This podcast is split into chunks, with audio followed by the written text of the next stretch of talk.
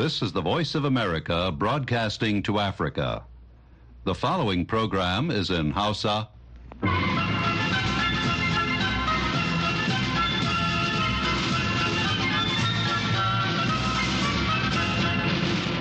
Sashen Hausa na murya Amurka ke magana daga nan Washington DC.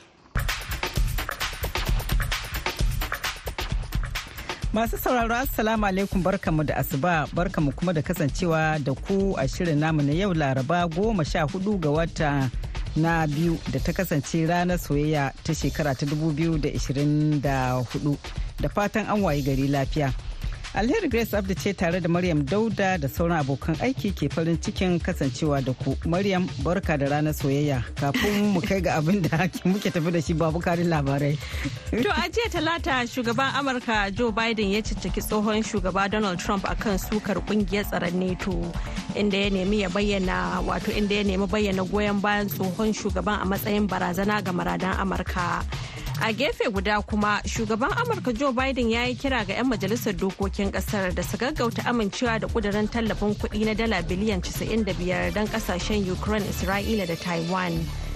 Jami'ai daga ƙasashen amurka isra'ila kata da masar sun gana a birnin alkahira a jiya talata domin ƙoƙarin cimma matsaya kan kulla sabuwar yarjejeniyar tsagaita wuta a gaza. Kamar yadda muka saba kowace ranar laraba bayan labaran duniya murtala faruk sanyina zai shigo da shirin baki mai yanka wuya wanda a yau ya haska fitila kan tsadar rayuwa a najeriya. Gaskiya rasuwar wigwe ya taba ni ƙwarai da gaske. Duk da yake muna yara da muka rabu. Kimanin sati ɗaya ko sati biyu kafin rasuwar shi akwai wani tsokaci da yi da kira ga mutane da cewa a ɗauki rayuwa ba bakin komai ba. Wanda bai da wannan cikakka natsuwa da sani ya kamata ba zai kalama irin waɗannan ba. To bayanan waɗansu kenan a sokoto dangane da rasuwar shugaban bankin access mr harvard to dangane da baki mai yanka wuya kuma ga abin da ake mai da hankali a kai a yau. Komai ya yi abin da ba a tunani ba a taba tunanin yau an waye gari. Duk abin da ka saya yau naira mukaddara ka sai abin yau ɗari biyar in ka kuma ka sayi wamfai yanzu abin da zan gaya gwamnati yawa Allah yawa annabi maganar tallafi da take magana ko ta bayar ba zai ji hannun al'umma ba. To sai ku ci gaba da kasancewa tare da mu kafin nan ga maryam da halin da duniya ta waye gari. Jama'a Assalamu alaikum ga cikakkun labaran. A jiya talata da kakkausan lafazi shugaban Amurka Joe Biden ya caccaki tsohon shugaba Donald Trump akan sukar ƙungiyar tsaron NATO inda ya nemi ya bayyana goyon bayan tsohon shugaban a matsayin barazana ga maradan Amurka.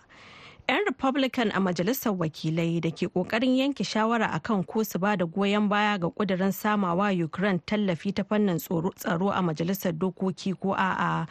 dole ne su zaɓi tafiya da maradan amurka ko trump a cewar shi da yake magana a fadar white house biden ya caccaki kalaman da trump ya yi a ƙarshen makon jiya inda ya ce a lokacin da yake shugaban ƙasa ya faɗa wa shugabannin ƙungiyar neto cewa ba zai kare mambobin ƙungiyar da suka kasa sauke nauyin kuɗi da ya rataya a wuyansu ba sai ma dai ya goyi bayan rasha ta kai masa hari. Babu wani shugaban kasa a tarihinmu da ya taba miƙa wuya ga shugaban rasha mai mulkin kama karya a cewar biden. A halin da ake ciki kuma. Shugaban amurka joe biden ya yi kira ga 'yan majalisar dokokin amurka a jiya talata da su gaggauta amincewa da kudirin tallafin kuɗi na dala biliyan 95 don ƙasashen ukraine isra'ila da taiwan duk da adawa da matakin da ake samu a majalisar wakilan ƙasar inda 'yan republican ke da rinjaye. Da safiyar jiya talata majalisar dattawan amurka ta zartar da kudirin tallafin da kuri'u 70 yayin da wasu 'yan majalisar su 29 suka ki amincewa da shi inda 'yan republican fiye da sha biyu suka haɗe da 'yan democrat da ke da rinjaye don goyon bayan kudirin nan da nan shugaban ukraine volodymyr zelensky ya gode wa wannan matakin. Yana mai cewa tallafin da amurka ke bayarwa na taimakawa wajen ceto rayukan bil'adama daga ta'addancin rasha. Jami'ai daga ƙasashen amurka isra'ila qatar da masar sun gana a birnin alkahira a jiya talata domin ƙoƙarin cimma matsaya akan kulla sabuwar yarjejeniyar tsagaita wuta a gaza da kuma sako ƙarin mutanen da mayaƙan hamas suka yi garkuwa da su. A halin da ake ciki shugabannin ƙasashen duniya sun roƙi isra'ila da ta dakata a kan shirinta na kai farmaki ta ƙasa a birnin rafa da ke kudancin yankin inda falasɗinawa suke da nufin fatattakar bataliyoyin mayaƙan hamas guda huɗu da suka kafa sansani a tsakanin falasɗinawa fiye da miliyan ɗaya da suka fake a wurin. A ranar litinin sojojin isra'ila suka kuɓutar da wasu mutane biyu da aka yi garkuwa da su a rafa amma falasdinawa 74 sun mutu a farmakin da suka kai sakatare janar ɗan majalisar ɗinkin duniya antonio guterres ya shaidawa manema labarai cewa yana fatan a samu nasara a tattaunawar da ake yi don sakin mutanen da aka yi garkuwa da su da kuma tsagaita wuta don kaucewa kai gagarumin farmaki a birnin rafa inda ke zaman shalkwatar ayyukan jin kai a yankin lamarin da zai haifar da mummunan sakamako. To kada yi nisa nan gaba kaɗa Maryam za ta sake shigowa da ƙarin labaran duniya amma kafin nan bari mu nufi Najeriya inda ake ci gaba da alhinin haɗarin jirgin sama mai sauka angulu a nan Amurka da ya sanadin salwatan rayukan mutane shida da suka hada da shugaban bankin Access Mr. Herbert Wige matarsa da kuma ɗansa. Al'ummar jihar Sokoto ɗaya daga cikin jihohin Najeriya da marigayen ke fahariya da su sun bayyana irin kyawawan halayen marigayin kamar yadda wakilinmu Muhammadu Nasir ya labarta mana. I understand my country very well, having gone to school in the northernmost part of the country, um, a place called Sokoto, largely um, Muslim, different weather, different culture, and I come from the southernmost part of the country called Port Harcourt. Wani sashe kenan daga cikin muryar marigayi Herbert Wigwe da ke yawo a shafin sada zumunta na TikTok inda yake bayani akan darasin rayuwa da ya samu duba da cewa ya fito ne daga kudancin Najeriya a Port kuma ya yi karatu a yankin arewacin Najeriya a Sokoto. abin da ya ce ya ba shi damar hulɗayya da jama'a da koyon ɗabi'u da al'adu daban-daban. Ɗaya daga cikin abokan karatun mustahabat wanda ɗan asalin jihar sokoto ne ma'azu ahmadu suka ya yi tsokaci akan haɗuwar su a kwalejin gwamnatin tarayya ta sokoto. Herbert Wigwe dan ajimu ne kuma house ɗaya muke Ethiop house. Wanda aka mayar Rima house yanzu. A lokacin da muka shigo Federal Government College uh, 1976 muka shiga form 1 da shi muka shiga form 1 to amma 1979 muna maganan shiga aji huɗu kenan. Sai ya yi transferring ya koma federal government college wari can ne ya karasa studies din shi. To herbert wigwe mutum ne wanda yake shiru-shiru kuma mutum ne mai fara'a sosai mai tsafta kuma duk shekarun nan da suka wuce habatu siffa shi bata canza ba. Wannan lamarin shi ya kara nunawa a fili irin muhimmancin da ke ga waɗannan makarantu na haɗin kan 'yan Najeriya kamar yadda shugaban kwamitin amintattu da ƙungiyar tsoffin ɗalibai ta kwalejin gwamnatin tarayya da ke Sokoto Hassan Macido ke cewa. Kafin wannan dan kudu na shakkun shi zo arewa. Dan arewa na shakkun ya je kudu. Amma yanzu duk wanda ya yi waɗannan makarantun ne wallahi ina tabbata ma ba dai a bashi labari ba. Sai dai shi ya zama ya ba da labarin irin haba-haba da kuma irin kyakkyawan halaye da suka kawo mai kyakkyawan fahimta ta yadda zai duk inda ya zauna a ƙasar nan zai cewa gida ce gare shi. Duba da kyakkyawar shaida da wasu daga cikin abokan karatun shugaban bankin na Access suka bayar akan rayuwarsa to koya suka ji da rashin nasa ma'azu suka yana mai cewa gaskiya rasuwar wigwe ya taba ni ƙwarai da gaske. Duk da yake muna yara da muka rabu. Kasan akwai wasu mutane waɗanda uh, impact ɗinsu ko komin nisansu rayuwarsu tana tana resonating da mutane. Shi kuwa hassan muhammad macido ya bayyana cewa kimanin sati ɗaya ko sati biyu kafin rasuwar shi akwai wani tsokaci da yi da kira ga mutane da cewa a ɗauki rayuwa ba bakin komai ba. Wanda bai da wannan cikakka natsuwa da sani ya kamata ba zai kalama irin waɗannan ba. Don haka gaskiya ina mai kyakkyawar shaida bisa ga irin waɗannan kalamai da kuma ni kaina hulɗa da shiga tsakanin da shi. A halin da ake ciki dai an buɗe rajistar yin ta'aziyar marigayen a bankunan access inda jama'a ke zuwa suna sa hannu domin yin ta'aziyar Habad Wige da matarsa da ɗansa tare da wasu mutane uku sun rasu ne a cewar wata jarida ta US Today ranar Juma'a tara ga watan Fabrairu a wani hadarin jirgin saman helicopter a yankin hamadar kudancin California. Tuni dai da jama'a suka fara ta'aziyar rashin marigayin ciki har da shugaban Najeriya Bola Ahmad Tinubu kamar yadda jaridar ta US Today ta wallafa. Muhammad Nasir muryar Amurka daga Sokoto a Najeriya. To a gaida Malam Muhammad Allah kuma kyautata namu ƙarshen ga Maryam da ci gaban labaran duniya.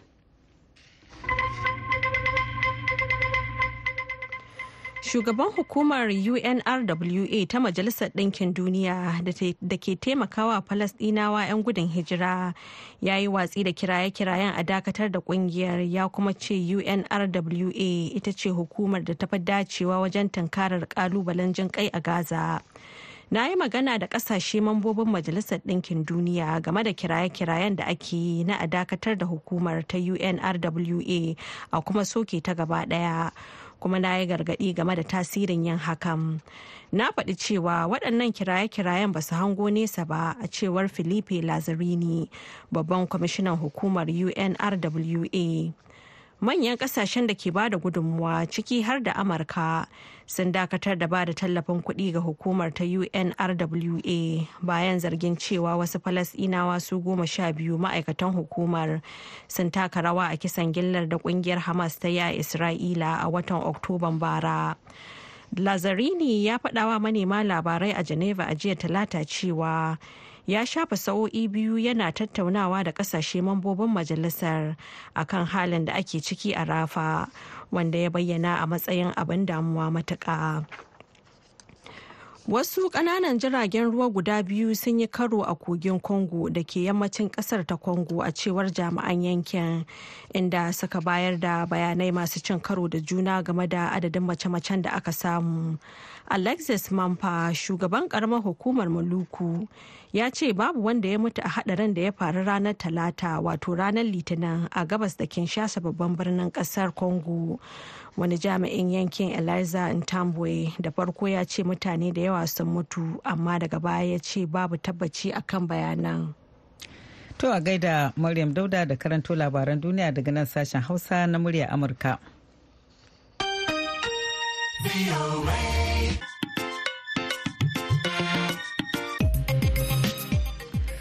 To madalla har yanzu kuna tare da sashen hausa na murya Amurka da ke watso shirye-shiryen kai tsaye daga nan birnin Washington DC yanzu kuma ga Mustapha Mustapha Faruk Sanyina da shirinmu na gaba. Baki mai yanka wuya.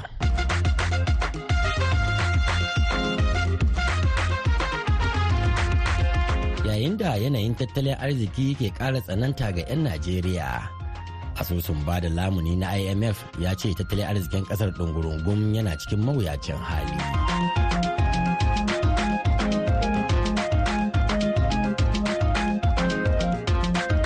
Jama'a assalamu alaikum. Wani rahoton baya-bayan nan na asusun ba da lamuni na imf ya bayyana cewa tattalin arzikin najeriya na cikin mawuyacin hali. A daidai lokacin da 'yan ƙasar ke kokawa kan matsin rayuwa sakamakon tsananin tsadar kayan abinci da na masarufi tare kuma da ƙarancin kayayyakin a kasuwa. Mana Abdullahi Sani, iwa sai dai mu ce inna lillahi wa inna raji'un. Komai yayi abin da ba a tunani ba a taba tunanin yau an waye gari abubuwa an rasa yanda wannan al'amari yake tafiya yake gudana. Domin komai ya zama abin da ya zama. Duk abin da ka saya yau naira mukaddara ka sai abin yau 500 in ka kuma ka sai 15 wannan tsadar rayuwa ya mai da ni kuma baya. Domin yanda nake da yanzu ba haka nake ba. Na yi ƙasa. Domin idan da zan iya ɗaukar abu in yi shi cikin gaggawa yanzu bai yiwuwa. Kamar yanayin rayuwa na gida zamantakewar al'umma da iyalai. Tunda idan yanzu zan iya zuwa in yi abin da nake so ga iyalai na lokaci ya shinkafa a da. Sai shinkafa. A da nawa nake sai shinkafan nan? Ba ta huce 1300 amma an waye gari da hannu na je na sai shinkafa 3500 ni shaida ne ba karya ba. Sannan ni na je samfarin shinkafa wacce ba a gyara ba ana sai da ita naira 1300 maimakon a baya nawa ake sayin shinkafan nan? 300 To yanzu a ƙarshe wani kira za ka yi wa gwamnati domin ta duba wannan yanayi da ake ciki na tsadar rayuwa. yanzu abin da zan gaya gwamnati yawa Allah ta yawa annabi maganar tallafi da take magana ko ta bayar ba zai je hannun al'umma ba. Inda zai je hannun wannan ba ta gari wanda ba su iya tausaya mutane ba. Mun gani a kwarora ba abin da muka yi muna nan zaune shinkafar ma mai tsakuwa a kamana wace mai tsakuwa ba ta huce rabin kofi rabin kofi kai da iyalai me za ku ci? Ko kiran da muke hukuma tewa Allah tewa annabi ta sa ido akan wannan al'amari. Duk abin da za ta ɗauka ta bayar a ɗauka a ba wanda za su taimaka al'umma ba wanda za su zo su riki su hana al'umma ba. A cewar rahoton matakin janye tallafin man fetur da gwamnatin ƙasar ta yi da faduwar darajar naira da kuma taɓarɓarewar sha'anin noma na daga cikin musabbabin talauci da tsananin rayuwa da 'yan ƙasar suke ciki. Masani kuma mai fashin baki kan lamuran tattalin arziki yushau aliyu ya yi ƙarin haske kan rahoton na imf wannan hukuma ta lamuni ta duniya ta daɗe tana bin diddigin tattalin arzikin duniya a ciki har da najeriya kuma ba abin mamaki ba ne idan ta ayyana mawuyacin halin da tattalin arzikin najeriya yake ciki saboda dalilai da dama. Na farko yawan bashin da ke kan ƙasan na farko kenan. Na biyu kuma rashin zaman lafiyan da ke cikin tattalin arzikin kasan wanda ya hada da yaƙe-yaƙe na boko haram da hare-haren 'yan ta'adda da sauransu. Haka kuma idan aka ɗauki abin da ya fi komi girma shine rashin aikin yi wanda ya bai tattalin arzikin kasan wanda kuma wannan ya haifar da wani mawuyacin hali na hauhawan farashi da ya kai sama da kashi 28.78 wanda kuma ya sa da dama daga cikin manya-manyan kamfanoni da suke mu'amala a cikin najeriya suke janyewa suke fita sannan kuma na ciki waɗanda suka rage suma suna ta rufewa saboda harin lalacewan wutar lantarki halayen lalacewan noma halin yunwa da ya bayyana wa tattalin arzikin kasan a ciki har da zanga-zanga da ya fara bayyana da kuma uwa uba shine yawan matasa marasa aikin yi wanda kuma suka zama matattalin arzikin haɗari.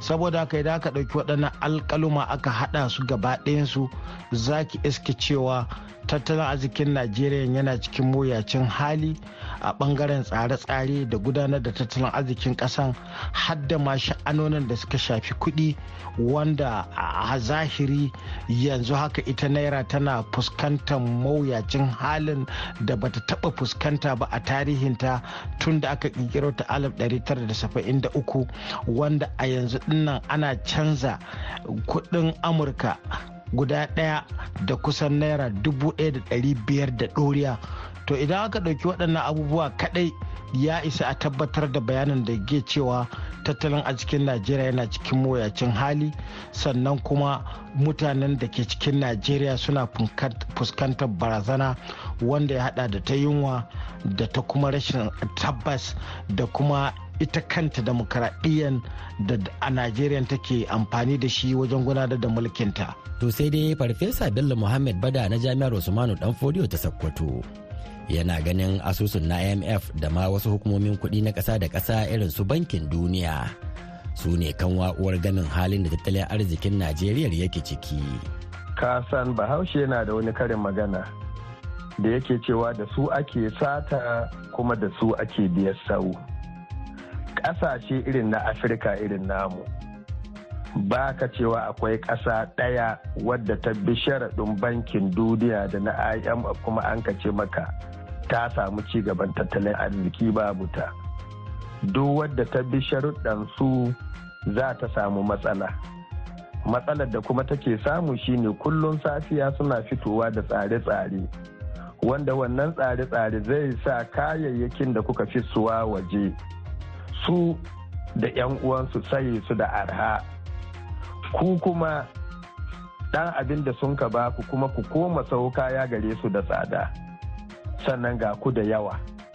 Don haka duk inda waɗannan tsari suke ba zai kai mutane ganga ba. Da su ake sata da su ake biyar sau. In sun ishe ku kuna tafiya ku daidai yadda kuke iyawa daidai kurji daidai ruwa nai. To sai su to su ce muku da kun yi haka. To kuma babu ƙasa irin tamu wadda ta yi haka nan wadda ta tsira. In ka dubi abin da ke faruwa a ghana yanzu yana zama maka misali. Irin wannan ya faru a ƙasashe irin su zimbabwe da makamantansu babu wadda ta tsira. To amma kuma daga baya su za su zakuwa. Sai kuma su faɗa ma duniya cewa tattalin arzikinku ya kusa rugujewa. Watan sai su yi muku ɓaɓatu yadda duniya waɗanda ke son su taho su yi sha'anin a kasuwanci da ku su tsorata. Domin hukumar bankin duniya ko kuma ta imf ta fara cewa ga matsalar da tattalin arzikinku ya samu masassara kaga an ba su tsoro. Watan kasan shugabanci iri na najeriya na siyasa inda mun kai to shekarun da mun ka fito har bisa ga wanda a shugaban kasa yanzu. Mu muna ɗaukar ra'ayinsu na tattalin arziki irin na ƙasashe ne waɗanda ke da jari hujja. To kuma ƙasashen da ke da jari hujja suna tare bankin duniya suna tare da kuma hukuma ta imf in ka duba waɗannan shugabannin da mun ka fito tsari ne na jarin hujja kuma ƙarhinmu bai kai ba tattalin arzikinmu bai kai ba wayewan mutanenmu yadda za su iya taka ma shugabanni birki tun ba a faɗa rijiya gaba ɗaya ba kuma bai kai ba. Ba irin ƙasashen jari hujja na duniya ba wanda mutane suna bankare ma gwamnati da sun fara jin wuya kaɗan. To sai su taka mata birki ba mu yarda ba. To kuma in zaɓe ya taho sai su nuna mata. To mu kuma wayewanmu da iliminmu irin wanda suke ce makaratun boko bai kai na waɗance niya ba. Inda ya kai na waɗance niya da zaɓen da an ka ƙare bara cikin watan biyu da sakamako ne bai zo wa da ya zo ba inda irin ƙasashen jari hujja na gaskiya ne. akan haka ne yushau aliyu yake ganin biri ya yi kama da mutum kuma akwai rawar da asusun na imf zai iya bayarwa wajen tunkarar wannan matsala. Idan aka ɗauki wato matsayin da najeriya take ciki game da talauci zaki iska cewa najeriya ita ce ta 47 a cikin ƙasashe waɗanda suke fuskantar barazanar talauci a duniya. Wannan kuma lamba yana da mahimmanci sosai idan kika ɗauki yawan ƙasashen da ke duniya kusan 195 kuma a ce a alkalami na 47 na talauci najeriya a nan wurin ta samu kanta. To kin ga babban barazana ne ga mutanen afirka ga mutanen najeriya sannan kuma ga bakaken fatar duniya gaba ɗayansu. Wannan bayani da hukumar lamuni ta duniya ta gabatar ya so ya yi daidai da wani rahoto wanda babban bankin duniya ya fitar na jihohi a najeriya waɗanda suka fi kowane jihohi talauci. Idan kika duba wannan tsari na jihohin da suka fi talauci za ki iska cewa sokoto ita ta ɗauki na farko sai jihar bayelsa sannan kuma akwai gombe akwai taraba akwai ebonyi akwai kuma ma jihar zamfara a ciki. To yin akwai wani, wani dama da hukumar lamuni na duniya take da shi shine na farko dai dole ne wannan hukuma ta duba basussukan da ke kan najeriya ta kuma duba yadda aka karɓo waɗannan kuɗaɗe da kuma yan amfanin da aka yi matattalin arzikin da aka yi da su da kuma irin gudunmuwan da waɗannan kuɗi suka bayar ko kuma ba su ba da ba. Na biyu kuma ita wannan hukuma dole ne ta taimaki ita najeriya a kan sauran waɗanda najeriya take da mu'amalar bashi a kansu saboda a gaggauta duba bashin da ke kan najeriya saboda galibin kuɗaɗen da ake samarwa a matsayin sababbin haraji wanda ba a iya samun su gaba ɗayansu sannan an same su kusan sama da kashi casa'in na kuɗaɗen haraji da aka samu a ƙasan ana amfani da su ne wajen biyan basussuka. To kin ga idan aka samu tattalin arziki mai girma irin najeriya wanda yake tattalin arziki ne wanda yake na ɗaya a afirka amma kuma idan kika duba matsalolin da yake fuskanta saboda waɗannan matsaloli na ba su suka za ki iska cewa giɓin da ake samu wajen kasafin kuɗin ci gaban ƙasan yana da girman gaske. Amma kuma farfesa bello muhammad ba da ya ce tun asali 'yan najeriya ne da kansu suka ba da dama ga samar da wannan matsala ta matsin rayuwa da yanzu haka ke addabar su. Kuma su ne kaɗai za su iya yi wa kansu ƙiyamun laili a kan wannan halin. Ina tabbatar maka talakawan Najeriya a hali yanzu suna cikin ukuba.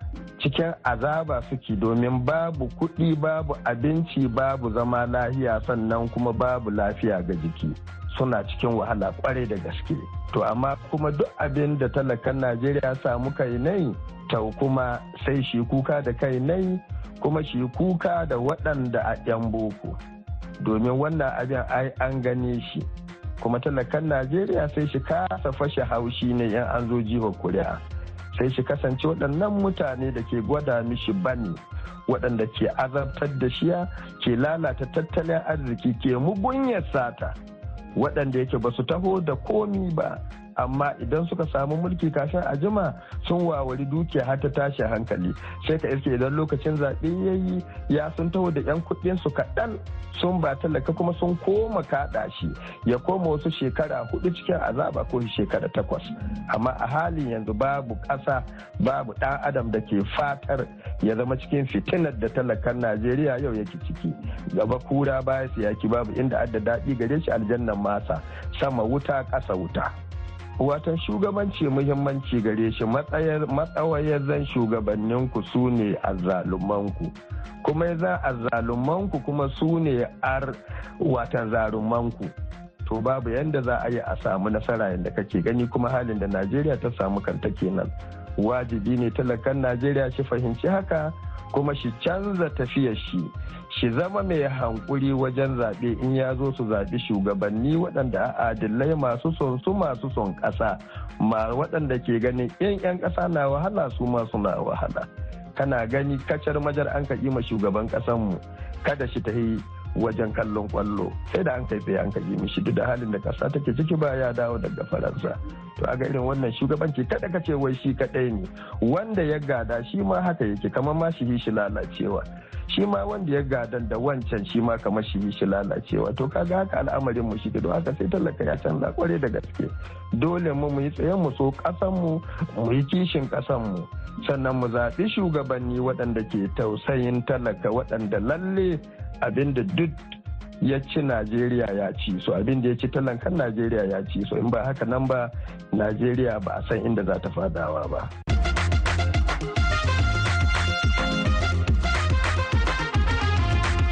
Masu saurare a nan za mu dasa aya sai mako mai zuwa inda za mu kawo muku wani sabon shiri. Godiya ga wakiliyar sashen hausa rikayya basha. Sai daɗi balawe da ya daidaita mana sautin shirin. Murtala Faruk Sanyin na ke muku sallama daga Washington DC.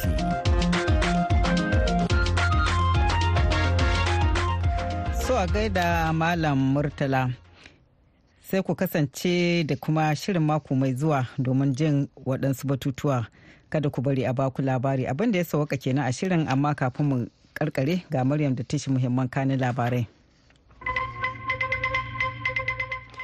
A jiya talata da kakkausan lafazi shugaban Amurka Joe Biden ya caccaki tsohon shugaba Donald Trump akan sukar ƙungiyar tsaron NATO inda ya nemi ya bayyana goyon bayan tsohon shugaban a matsayin barazana ga muradan Amurka. 'yan republican a majalisar wakilai da ke ƙoƙarin yanke shawara kan ko su ba da goyon baya ga kudirin samawa ukraine tallafi ta fannin tsaro a majalisar dokoki ko a'a dole ne su zaɓa tafiya da maradan amurka ko kuma trump a cewar shi da yake magana a fadar white house biden ya caceki kalaman da trump ya yi a ƙarshen mako inda ya ce lokacin da yake shugaban ƙasa ya faɗa wa shugabannin ƙungiyar neto cewa ba zai kare mambobin ƙungiyar da suka kasa sauke nauyin kuɗi da ya rataya a wuyansu ba. A halin da ake ciki kuma shugaban amurka joe biden ya yi kira ga 'yan majalisar dokokin amurka a jiya talata da su gaggauta amincewa da kudirin tallafin kuɗi na dala biliyan 95 don ƙasashen ukraine isra'ila da taiwan. Duk da adawa da matakin da ake samu a majalisar wakilan ƙasar inda 'yan republican ke da rinjaye. Da safiyar jiya talata majalisar dattawan amurka ta zartar da kudirin tallafin da kuri'u 70 yayin da wasu 'yan majalisar su 29 suka ki amincewa da shi inda 'yan republican fiye da 12 suka haɗe da 'yan democrat da ke da rinjaye don goyon bayan kudirin.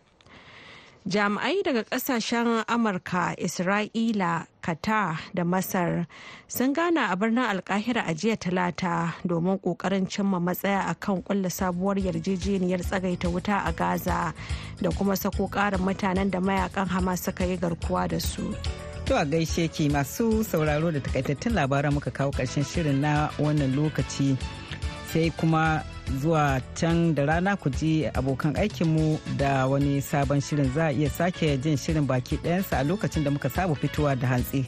Kamar kullum za ku kuma iya sauraron shirye-shiryenmu da dukkan rahotanni da muke gabatarwa hama da ƙari a shafinmu na intanet biyu hausa.com ko kuma yin tsokaci a shafukanmu na sada zumunta facebook da twitter yanzu a madadin dukkan waɗanda suka ba da gudunmuwa ga nasarar wannan shirin da suka hada da editan namu na yau ibrahim ka almasi garba da hadiza kyari da ta wallafa rahotanni a yanar gizo sai maryam dauda da ta karanto labarai da kuma shi producer mu daɗi balawi